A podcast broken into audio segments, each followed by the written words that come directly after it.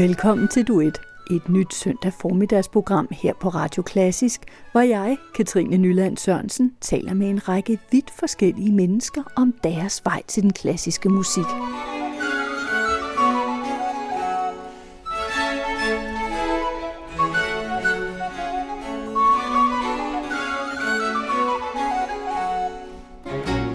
Dag skal vi besøge Sisse Tomczek, som driver landets eneste musikskole for børn med diagnoser. Den hedder Sagt du Gaf, Musikskolen med rummelighed, og her er der elever med autisme, Aspergers, ADHD og angst, som oplever, at de ved at spille et instrument kan få særlige succesoplevelser, som de ellers ikke oplever andre steder. Sisse Tomczek er selv uddannet slagtøjspiller fra det Kongelige Danske Musikkonservatorium. For hun var 12 år, var hun fast besluttet på, at hun skulle være slagtøjspiller. Men et brækket håndled gjorde vejen mod målet en anelse bumlet. Så mens håndledet blev helet, uddannede hun sig som coach og mentaltræner. Det giver hende en særlig indsigt, når hun i dag underviser elever med særlige behov eller hjælper musikere med at overkomme deres sceneskræk. Og udover alt det, ja, så komponerer hun faktisk også.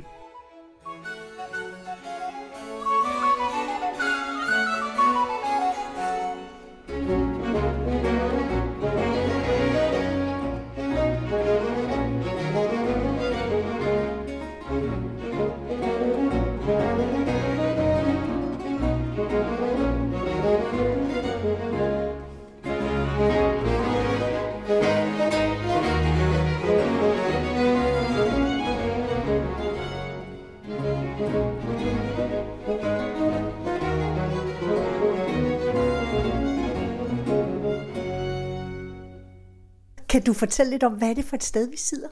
Det er en musikskole, der hedder Sagtu Gaf, og det er min musikskole, som ligger på Ydre Nørrebro. Øhm, der er den lige flyttet hen.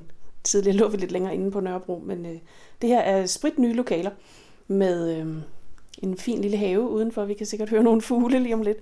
Øh, og ja, det er min musikskole, hvor jeg underviser i løbet af ugen og holder prøver med musikere, når det er det, jeg skal, og arbejder hvad er det, der er særligt ved din musikskole? Altså, den hedder Musikskolen med rummelighed. Øhm, eller sagt du gaf Musikskolen med rummelighed. Og øh, det, der er særligt, er nok netop det her med rummelighed, at jeg har ret mange elever, som har diagnoser. Det vil sige autisme, øh, Asperger syndrom, øh, ADHD, angst, øh, social fobi, alle mulige typer diagnoser. Og det er altså børn og unge, der har de her diagnoser. Hvad er der særligt ved at, øh, at arbejde med lige præcis denne her gruppe af, af børn og unge med, med diagnoser? Altså, jeg synes, det er spændende, at de rigtig mange af dem har virkelig stor kreativitet og øh, en, øh, en sans for at gå ind i det, de brænder for øh, 100%. Så hvis de er interesseret i musik, så er det ikke lidt interesseret eller går til klaver om onsdagen. Så er det musik, der virkelig altså, der bærer dem igennem mange andre ting i tilværelsen også. Hvad kræver det af dig som lærer at skulle undervise børn, med, øh, børn og unge med, med særlige diagnoser? Jeg tror, det kræver en øh, ret stor tålmodighed. Eller det ved jeg, det kræver. Øh, og så kræver det nok, at min værktøjskasse for, hvordan jeg vil undervise, den, den skal nærmest være... Øh, Altså, den skal ikke bare være stor, den skal, den skal være uden rammer. Øh, så jeg skal hele tiden kunne, kunne omstille mig til, hvilken type elev jeg har, og hvordan den elev er bedst til at modtage undervisning. Og det skal alle, der underviser musik i virkeligheden. Men der, der er bare flere facetter af, hvordan de her typer børn med forskellige diagnoser, hvordan de lærer bedst. Og hvis man kan formå at ramme dem der, hvor de lærer bedst, så kan de lige så meget som alle andre elever. Og det synes jeg er ret spændende at nå ind til at finde ud af, hvad er det præcis, der gør, at Peter på syv, han godt kan koncentrere sig en halv time, selvom hans mor siger, at det kan han ikke i nogen andre sammenhæng. Når du siger, at du har en ekstra stor værktøjskasse, er det noget med hele tiden at finde ud af, hvordan underviser du den enkelte elev bedst? Ja, kort sagt. Det, det er lige præcis det. Og det skal man jo have en interesse i, at det ikke bare tager klaverskolen nummer 1 og nummer 2 og nummer 3, øh, undervise ud for det. Jeg laver ret meget undervisningsmateriale selv, øh, for at være sikker på, at det passer til de elever, som jeg skal undervise. Nu kommer vi jo til at tale meget mere, ikke kun om din musikskole, men også din, øh, din egen musikalske karriere. Øh, det første musik, du har valgt, vi skal høre, det er, øh, er Debussy. Hvorfor det? Ja, øh, Debussy er dejlig musik generelt, øh, men den her pigen med hørehåret øh, har jeg et helt særligt forhold til, og kan altid lige høre en ekstra gang.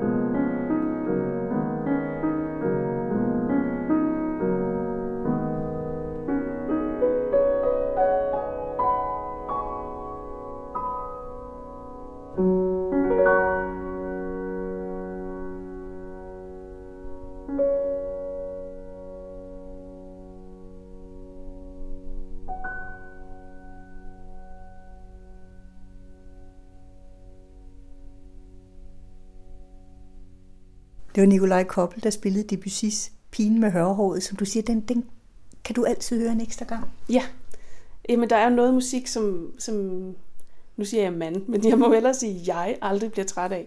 Øh, og den her er en af dem. Øh, som, den, den går altid lige an. Hvis, hvis, den, hvis man sidder og kører bil og skal finde en playliste, så er der jo nogle gange, man sapper forbi noget musik, og det gider jeg ikke høre i dag, eller det er ikke lige stemning til. Jeg tror ikke, der vil være en dag, hvor den her ikke kunne være på min playlist.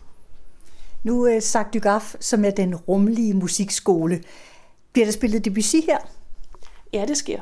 Der, der bliver spillet meget forskelligt. Lige nu har jeg et, øh, et orkester, der er i gang med at øve musik fra Minecraft. Øhm, og det er, jo, det er jo lige, øh, hvad kan man sige, det, det er at ramme direkte i, hvad de sidder med til hverdag, alle de her børn, at de vil gerne spille musik fra noget, de kender. Øh, men der er også nogle lidt ældre elever, der spiller Debussy, og der er der er ikke den genre, vi ikke kommer forbi, vil jeg sige. Altså, så er der en, en lille jazz-trio øh, af teenage-drenge på 14-15 år, som, øh, som bare gerne vil spille noget lækker jazz, der swinger. Øh, det er jo fantastisk, at de, at de kommer med, med, med sådan nogle bud selv. Det er ikke nødvendigvis noget, jeg siger, de skal spille. Det kan lige så vel være dem selv, og det er det altså med de her. De vil bare gerne spille noget god gammel jazz. Og jeg tænker, hvor, hvor kommer det fra? Hvordan ved de, at det er lækkert? Og det er jo fantastisk, at de selv kommer og byder ind på den måde. Der er øh, børn faktisk fra, fra hele Sjælland, der, der kommer til din øh, musikskole. Hvad er det for nogle oplevelser, de kan få her, eller hvad er det nogle erfaringer, de gør sig på din musikskole, som, som de kan bruge øh, i, i deres dagligdag? Altså, der, der sker jo det med nogle af de her børn. Øh, hvis vi nu, altså, jeg har også elever, der ikke har nogen diagnoser. Men hvis vi nu taler om dem, der har udfordringer og diagnoser, som måske kan gøre, at de ikke fungerer super godt i skolen, eller at skole det er sådan noget, man kun besøger en gang imellem. Øhm, eller at hver gang de skal noget i skolen, som har noget med et traditionelt fag at gøre, så betyder det, det kan jeg ikke finde ud af, og det dur jeg ikke til, men de andre kan godt. Den oplevelse, som mange af dem har med, øhm, den kan vi godt rykke lidt ved, når de begynder at spille musik. Og nu siger jeg vi, fordi det er jo ikke, det er jo ikke mig, der gør det. De gør det sådan set selv. Men det samarbejde, jeg har med en elev, uanset om det er en på 7 eller en på 17, der, hvis de ligesom hvis de går med ind i det samarbejde og er en del af det, og det synes jeg er vigtigt, øhm, så bliver det jo deres egen oplevelse af at blive bedre til noget. Og ikke mig, der siger, nu skal du blive bedre til den her sang, øh, eller det her stykke musik, eller den der akkord skal du kunne næste onsdag. Og det synes jeg, altså, jeg får nogle tilbagemeldinger fra forældre nogle gange, som, som kan se, at deres børn fungerer bedre i skolen. De kommer pludselig hjem fra sådan en skole-hjem-samtale og får nogle helt andre meldinger, end de plejer. Og det er ikke sådan, det er med alle elever, men med nogen, der er det virkelig sådan en, at de opdager, at de godt kan lære noget. Og de opdager, at de er okay til det, de nu er som mennesker. Og det synes jeg er en rimelig stor ting at være med til, at en eller anden, et, et barn på 10 kan komme hjem og, og fortælle sin mor, at nu fungerer det faktisk at gå i skole. Og forældrene tænker, at der er ikke noget, der er anderledes. Der er kun det anderledes, at de er begyndt til klaver, for eksempel.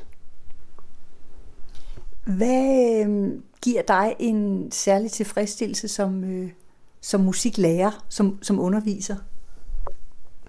Jeg synes, det er fedt at se øh, alle de her mennesker, uanset alder, udvikle sig og tage musikken til sig.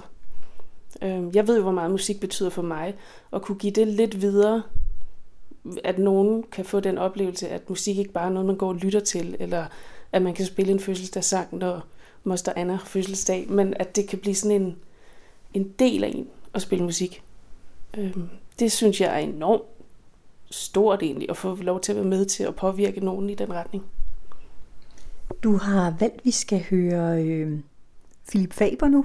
Noget vokalmusik. Det er rigtigt. Jamen, jeg har studeret sammen med Philip øh, på konservatoriet for en del år siden, øh, og har altid godt kunne lide hans musik. Og den her Sommerfugledalen, øh, jeg synes, der er så meget smuk musik i, og det er fjerde sats, vi skal høre.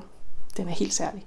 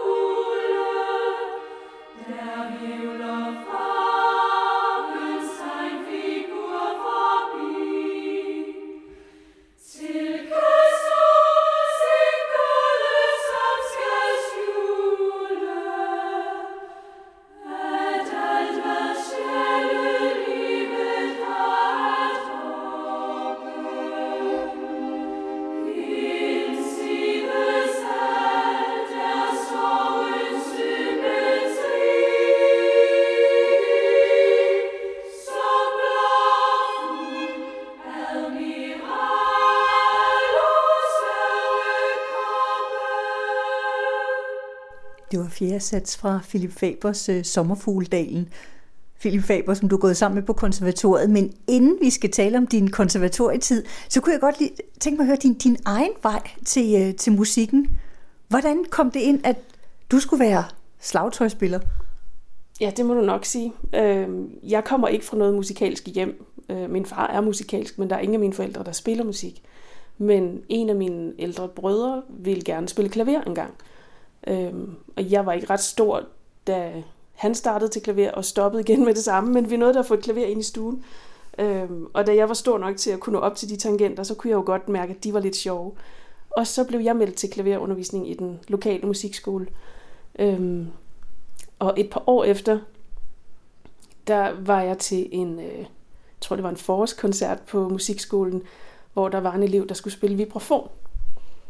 Og så blev jeg bare forelsket. Fuldstændig i den der lyd, og det var et spændende instrument at kigge på. Jeg tænkte, hvad er det for en? Jeg vidste ikke, den hed en vibrafon. Øhm, så det gik jeg og øvede mig i, i et par måneder, eller mere, at, at hvad var det nu, den hed? Når jeg vib, vib, vibrafon. Altså, jeg, jeg skulle lige lære den, okay, jeg skulle have det ind under huden, hvad den der sjove tings, den hed. Øhm, og så fik jeg lov til at blive meldt til vibrafonundervisning også, så jeg gik til klaver og til vibrafon, troede jeg. Men vibrafon, det var en del af slagtøj. Øhm, og det vidste jeg jo ikke, men det fandt jeg hurtigt ud af, så det, det greb om sig. Øhm, og så blev jeg egentlig ret hurtigt mere begejstret for at spille slagtøj. Men jeg holdt fast i klaveret i, ja, det har jeg altid gjort. Øhm, og så var jeg på et tidspunkt inde på det nye teater og se en musical, som min slagtøjslærer han spillede i. Øh, og jeg kunne sidde og kigge ned i orkestergraven, hvor han stod omgivet af slagtøj. Og med det samme jeg så det, så tænkte jeg, det der, det er det, jeg skal. Og der har jeg nok været 12, tror jeg.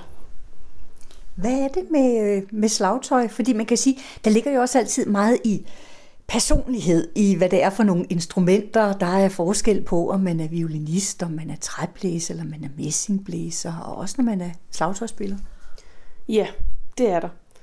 Øhm, der er sådan nogle helt stereotyper, man kan, man kan spotte i symfoniorkestre, når man ser, inden, inden de har fat i sine instrumenter, så kan man se, hvem der spiller hvad ret ofte.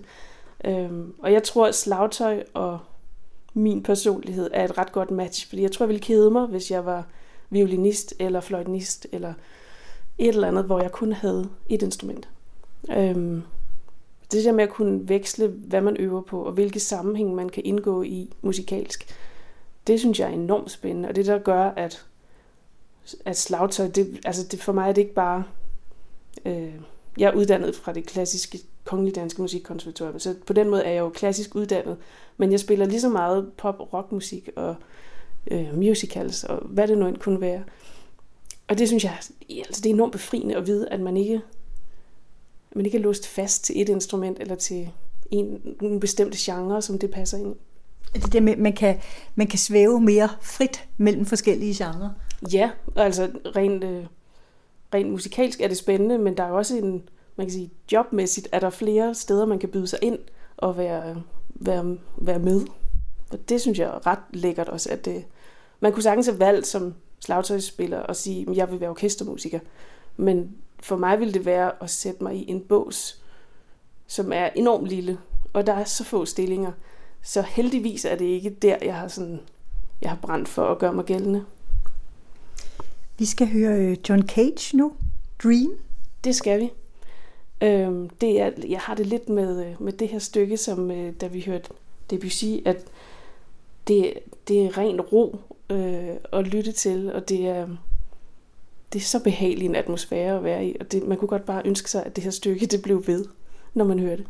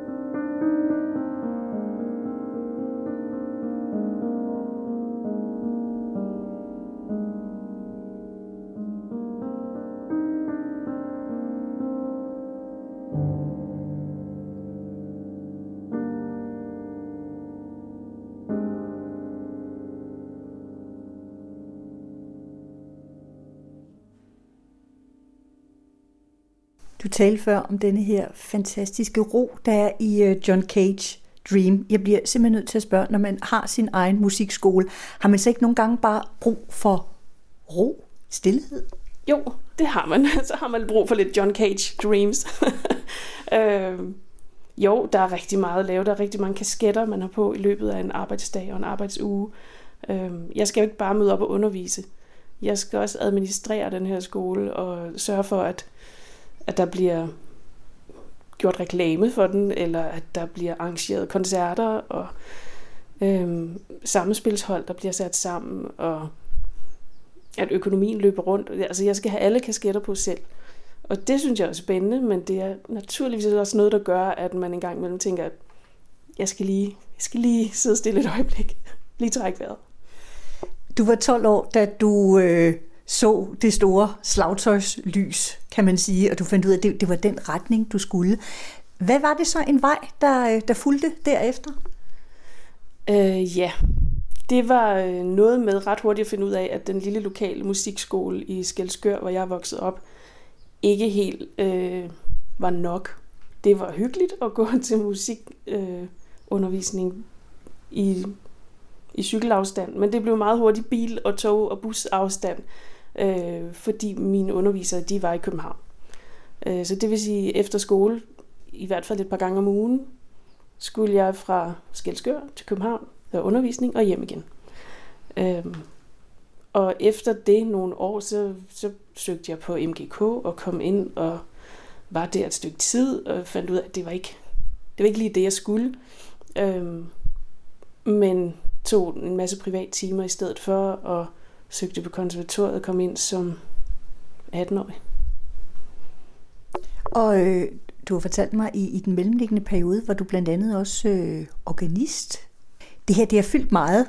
Du må være meget målrettet. Hvis du har sat dig noget for, så bliver det gennemført. Ja, altså jeg har altid været ret målrettet, og det var ret klart for mig, at øh, det her med at komme på konservatoriet, det var altså the dream. Kunne jeg det, så, så ville det jo bare være helt fantastisk. Og så havde jeg egentlig ikke nogen særlig klar retning på, hvad det krævede, øh, da jeg besluttede, at det var det, jeg gerne ville. Øhm, første gang, jeg besøgte konservatoriet, var jeg nok, jeg har været 12-13 år deromkring. Øhm, og der vidste jeg ikke helt, hvad det var, men jeg kunne godt se for mig, at den her skole, der var kun musikfag. Og det, var, det ringede en klokke ind i mig og sagde, hov, den skole, den kan jeg godt forholde mig til. Øh, hvordan kommer man herind? Og det, det starter jo selvfølgelig sådan en, en øh, vis rejse, fordi det er jo ikke noget, man bare lige gør som 12-årig fra en lille provinsby og siger, mor, jeg vil gerne vil gerne ind på den der musikskole inde i København. Det lyder spændende. Øhm, men øh, ja, jeg har været organist øh, i en landsbykirke nede ved Skelskør i næsten i 10 år, hvor jeg, øh, jeg sad hver søndag og spillede salmer og præludier og postludier på et lille landsbyår. Øh, og det gjorde selvfølgelig også, at der blev, der blev råderum til noget mere musikundervisning og rejsen frem og tilbage til København. Øhm, fordi jeg kunne betale en del af det selv, så jeg kunne ret privilegeret vælge, hvor meget undervisning jeg ville have. Og det gjorde, at, jeg, at, at det blev vejen til at kunne komme på konservatoriet. Da du så kom på konservatoriet, var det så det, du havde forventet, det skulle være? Nu kom du endelig derind, hvor du bare skulle have musik hele tiden. Det var fuldstændig fantastisk. Der var bare lige sket den lille detalje af samme dag, som jeg fik den store konvolut ind ad døren med øh, skemaer og studiestartsoplysninger, Øhm, der var jeg faldet og havde brækket mit håndled. Øhm, og det er en ret ærgerlig start på en konservatorietid, men øh, egentlig skulle det jo ikke fylde noget særligt lige at brække et håndled, og så skulle det fikse sig igen. Men det her var ikke bare brækket, det var gået rigtigt i stykker, og det tog små fire år, før at jeg kunne bruge det rigtigt igen. Så min konservatoriestart blev udskudt lidt, kan man sige. Jeg fik startet, og jeg fik set, hvad det var, øh, men måtte stoppe igen, fordi jeg simpelthen ikke kunne spille alt det, jeg skulle. Så øh, jeg fik øh, mulighed for at søge ind igen nogle år senere, og der vidste jeg jo, hvad jeg gik ind til. Og der kunne jeg glæde mig til at starte. Vi skal høre Vaughan Williams nu, London Symphony. Hvad betyder det for dig? Jamen det er sådan lidt et minde fra konservatorietiden i virkeligheden, øh, hvor vi spillede den her London Symphony en gang med konservatoriet symfoniorkester. Og jeg kendte intet til Warren Williams inden da, men øh, det er super lækker musik, og orkestermusik, det er, det, der, inden for orkestermusik, der er det noget af det bedste, synes jeg, at, øh, den måde, han ligesom melodiøst fortolker en masse ting på, kan jeg godt lide.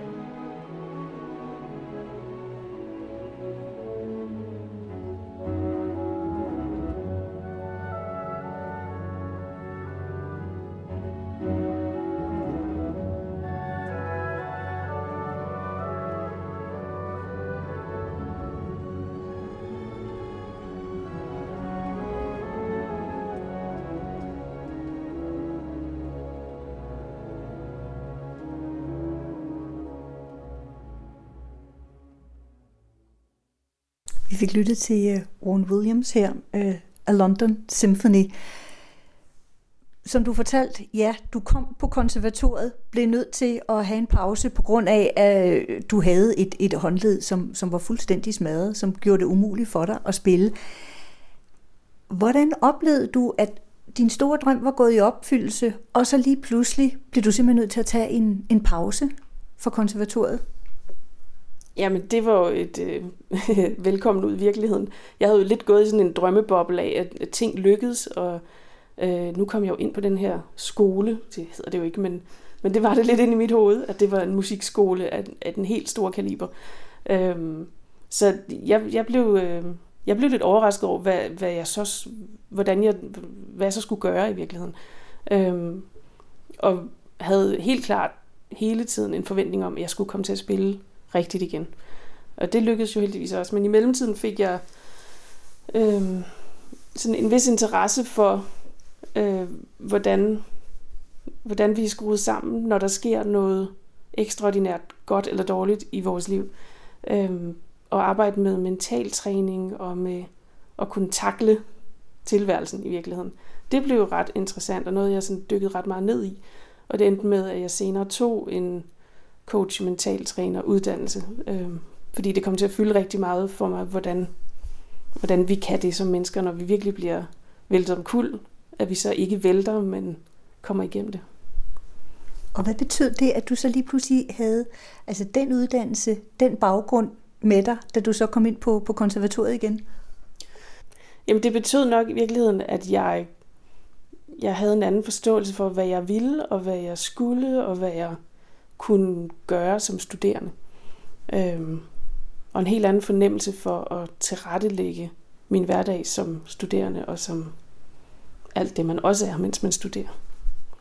Og er det også noget det, der har været med til at øh, påvirke dig på den måde, at, at du har en musikskole nu, hvor, du, øh, hvor der også er plads til, øh, til de børn og unge, som, som har nogle andre behov?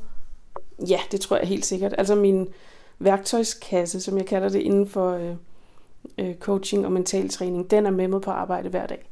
Og det, det betyder ikke, at jeg sidder og, og coacher alle mine elever, eller forventer, at nu skal de, øh, skal de rykke sig mentalt og blive nogle øh, superhelte alle sammen. Det, det, er slet ikke, det er slet ikke på den måde, men der er elementer af det, som jeg drager ind i musikundervisningen hver dag.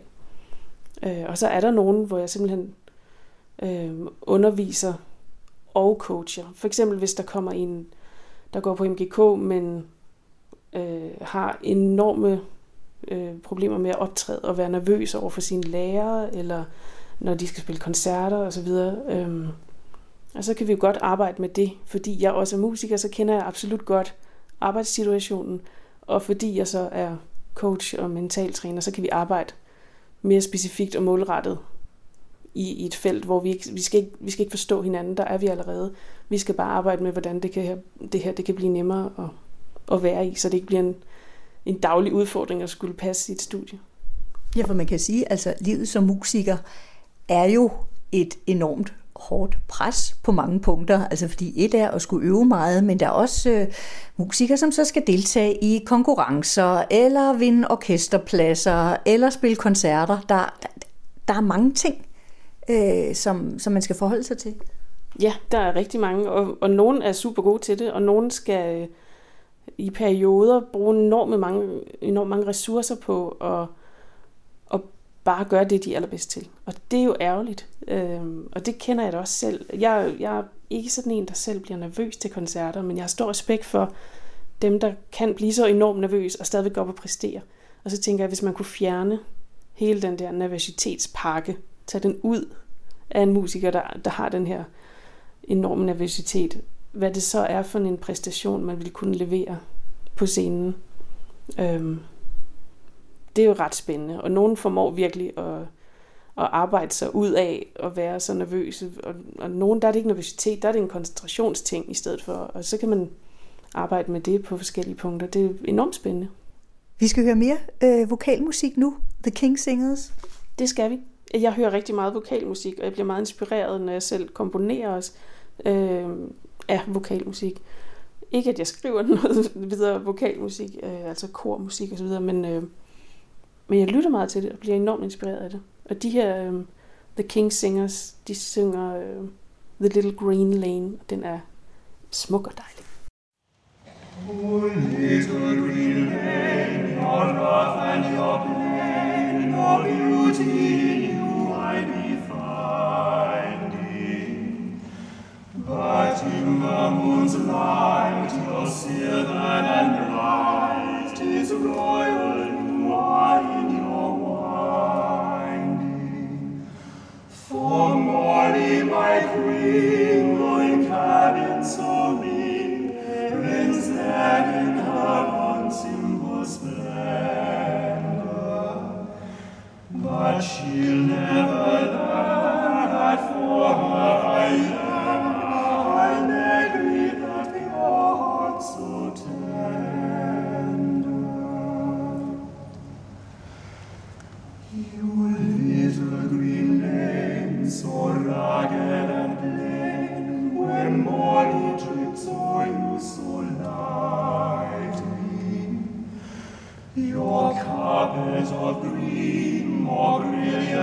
silver, the soul from eyes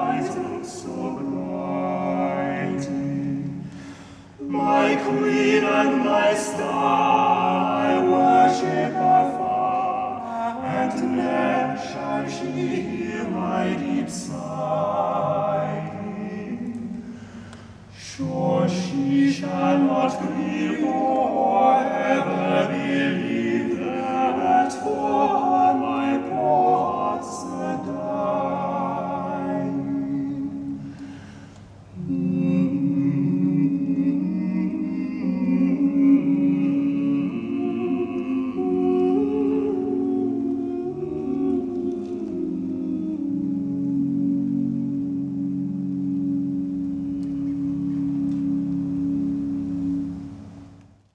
King Singers med The Little Green Lane.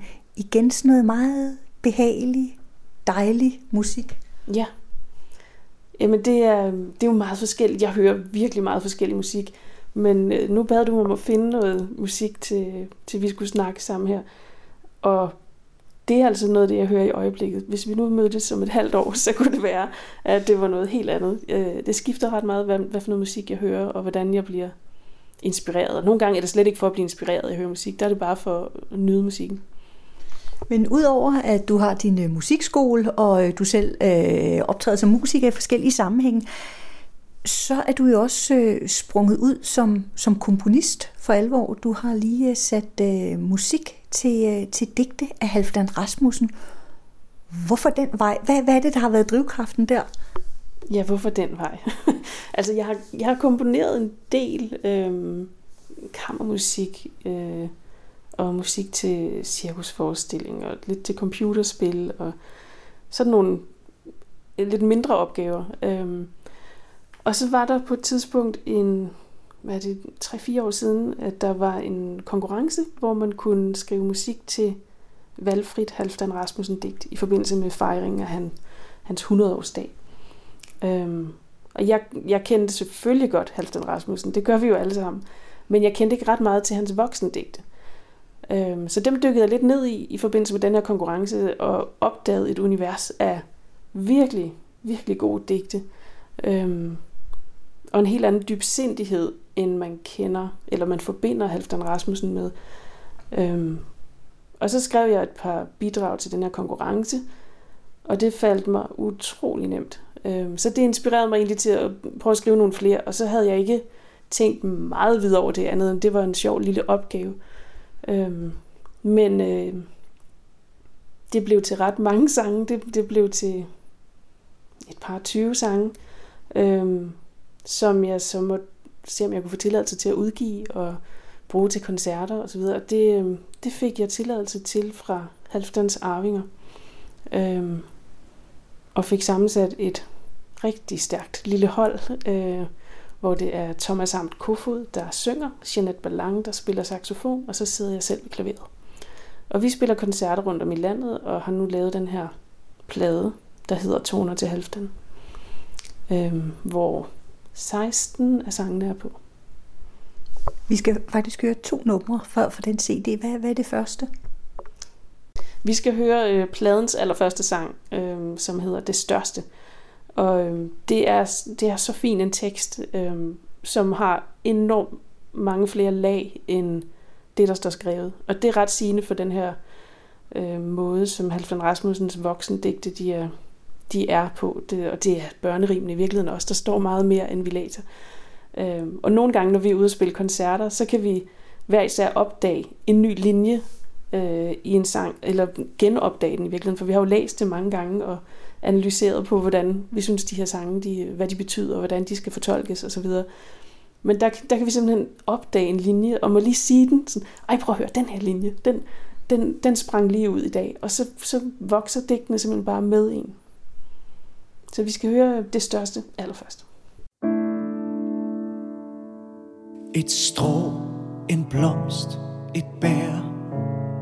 Hvad vil du mere? Det største er, at alting er der sker. Så meget ondt har lukket vores sanser, men hvert sekund er der et barn, som danser. Den samme rytme går i støv og storm. Et hjerte slår, en tanke søger form. På ny bliver skabt en sang, en duft, et frø. Kun det går tabt, som aldrig turde dø.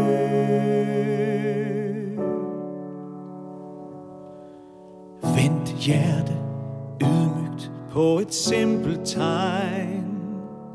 Så enkelt at forstå som sol og regn. Glem alt du ved, det er kun ord du mister. Der ånder fred i alt som ordløst brister.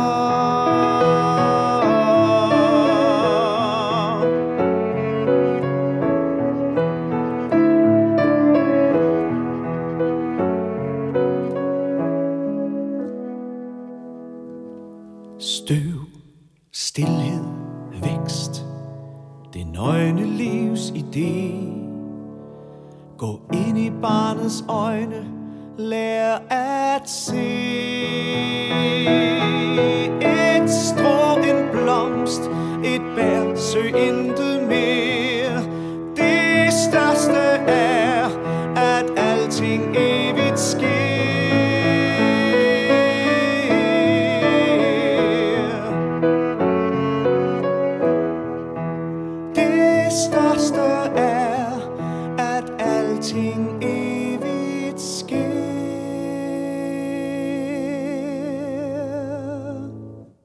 Det største, som, øh, som du har sat musik til.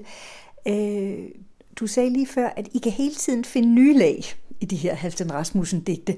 Hvorfor har det været så let for dig at, øh, at sætte musik til? Er, er der en eller anden klangbund i, i ordene, som øh, rammer dig særligt? Altså, jeg bliver altid meget inspireret af tekst, også når jeg skal skrive øh, instrumental musik. Øh, og jeg ved ikke hvorfor, men sådan, sådan hænger jeg åbenbart sammen. Og de her tekster, de har bare talt direkte til mig. Øhm, og det har ikke, altså der er nogle ganske få, der har været en besværlighed i at skrive, men, men generelt så har de været super nemme for mig at finde melodien i. Når jeg så har læst digtene, så har jeg allerede kunne høre øh, en melodilinje ind i hovedet, og jeg har kunnet fornemme, hvilken genre jeg gerne vil skrive den sang i. Så jeg har ikke bevidst valgt, at vi skal have tre jazzsange og fire salmer og to viser, øh, eller hvordan man nu kunne bygge det op. Jeg, jeg har simpelthen lavet hver tekst øh, selv beslutte, hvilken, hvilken genre de vil skrives i. Øh, og det, øh, det har givet ret mange forskellige genrer på pladen, og den har været lidt svær lige at sætte i bås og sige, at det her er en plade. Øh, men, øh, men ja, det har, det har passet mig rigtig godt at kunne arbejde på den her måde, og at der ikke har været en ramme for, hvordan sangene skulle lyde. Hvad giver det så dig at, at arbejde som, som komponist? Som du siger, der har været sådan nogle mindre ting før, men, men det lyder ikke som om, at det tidligere har været sådan en vej, bevidst vej, du vil gå. Nej, det har, jeg har slet ikke haft det som en, en tanke, at jeg skulle komponere. Øh, det opstod på et tidspunkt på konservatoriet, og så dannede jeg en trio øh, sammen med to andre medstuderende, hvor vi besluttede, at vi ville ikke spille andres musik, vi ville spille vores egen. Så det var sådan en god, øh, en god træningsplads, kan man sige, til at få skrevet en masse musik, og kassere en masse musik også. Øh, og der begyndte det at, at blive sådan øh, en del af min musikalske virke, at jeg også skriver musik, og fandt ud af, at det, at det fungerede også. Hvad med nogle af dine elever her på Sagt de Musikskolen? Kommer de til at spille nogle af de her Hassan Rasmussen melodier? Ja, det, det kunne de godt komme til. Det er, der er nogle få, der, øhm, der, øh, der lidt har spurgt ind til det allerede. Øh, men ja, de skal udgives som øh, nodebog senere på året. Måske først i starten af det nye år, men de skal i hvert fald udgives. Øhm, alle 22 sange. Så ja, det kunne meget vel være, at der er nogle klaverelever, der skal prøve kræfter med det. Nu har du jo gang i rigtig, rigtig mange forskellige ting nu, både med din musikskole og med, med din egen musik. Er der sådan nogle særlige ambitioner, noget som du gerne vil især lykkes med inden for, øh, for de kommende år? Altså ja, der er, øh, der er en, en lille drøm, der spiger øh, omkring vores Toner til Halvdan projekt. Øh, lige nu, når vi udspiller koncerter, så er vi jo et meget lille hold på tre. Øh, og vi kunne enormt godt tænke os at få de her sange op i øh, størrelse XL, det vil sige med stort orkester og med Thomas i front som sanger. Øhm, så det er noget, vi arbejder stille og roligt hen imod, at det kan blive en realitet. Og det er selvfølgelig en kæmpe drøm at, at forestille sig, at ens egen musik bliver udsat for noget, der minder om symfoniorkester størrelse. Øhm, så det, er, det, det håber jeg lykkes, og det er noget, vi, vi stille og roligt bevæger os hen imod. Vi skal også øh, slutte af med Halvdan Rasmussen. Ja, det skal vi. Øhm, der er, altså, jeg har jo et særligt forhold til alle de her digte, som jeg har skrevet musik til, men jeg synes, vi skal høre den her, der hedder Isblomster, øhm, som igen har så mange lag øh, tekstmæssigt, og jeg har prøvet at gøre plads til teksten i alle de her sange, når jeg har skrevet musikken, så det ikke bliver musikken, der står forrest, men teksten, der står forrest, og så musikken hjælper teksten på vej. Og det, det håber jeg at lykkes i den her også. Det er i hvert fald øh, det er en, vi alle tre i ensemblet er meget glade for.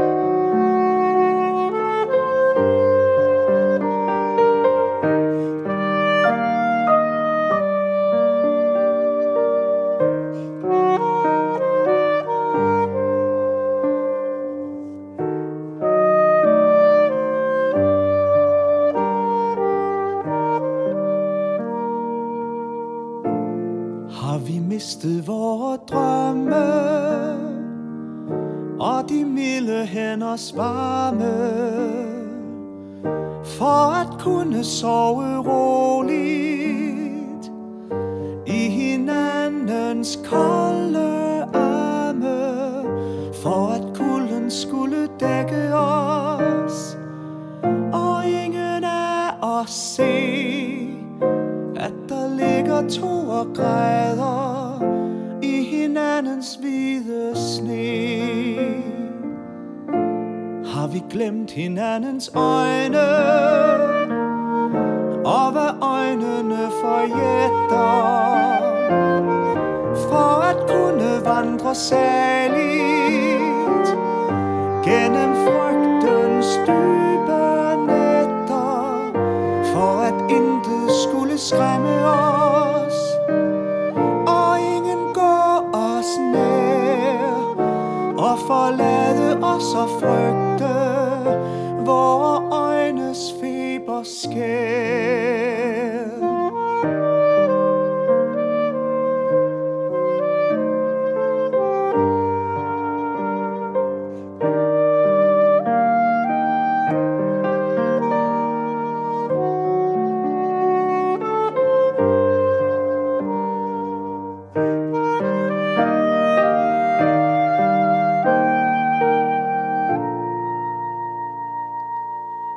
Gik vinter over ruden Hvor de hvide blomster lyser For at ingen skulle vide At vi længes, når vi fryser At vi drømmer os til varme. Fra de hjerter, som er briste Og til lyset fra de øjne dybe himmel, vi har.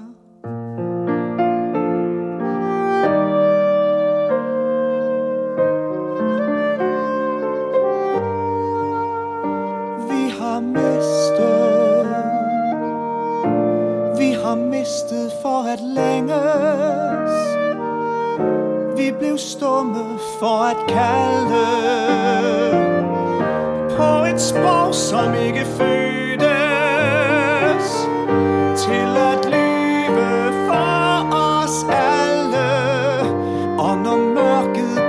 Til os, skal det skjule vore hænder. Det må ikke se os nøgne.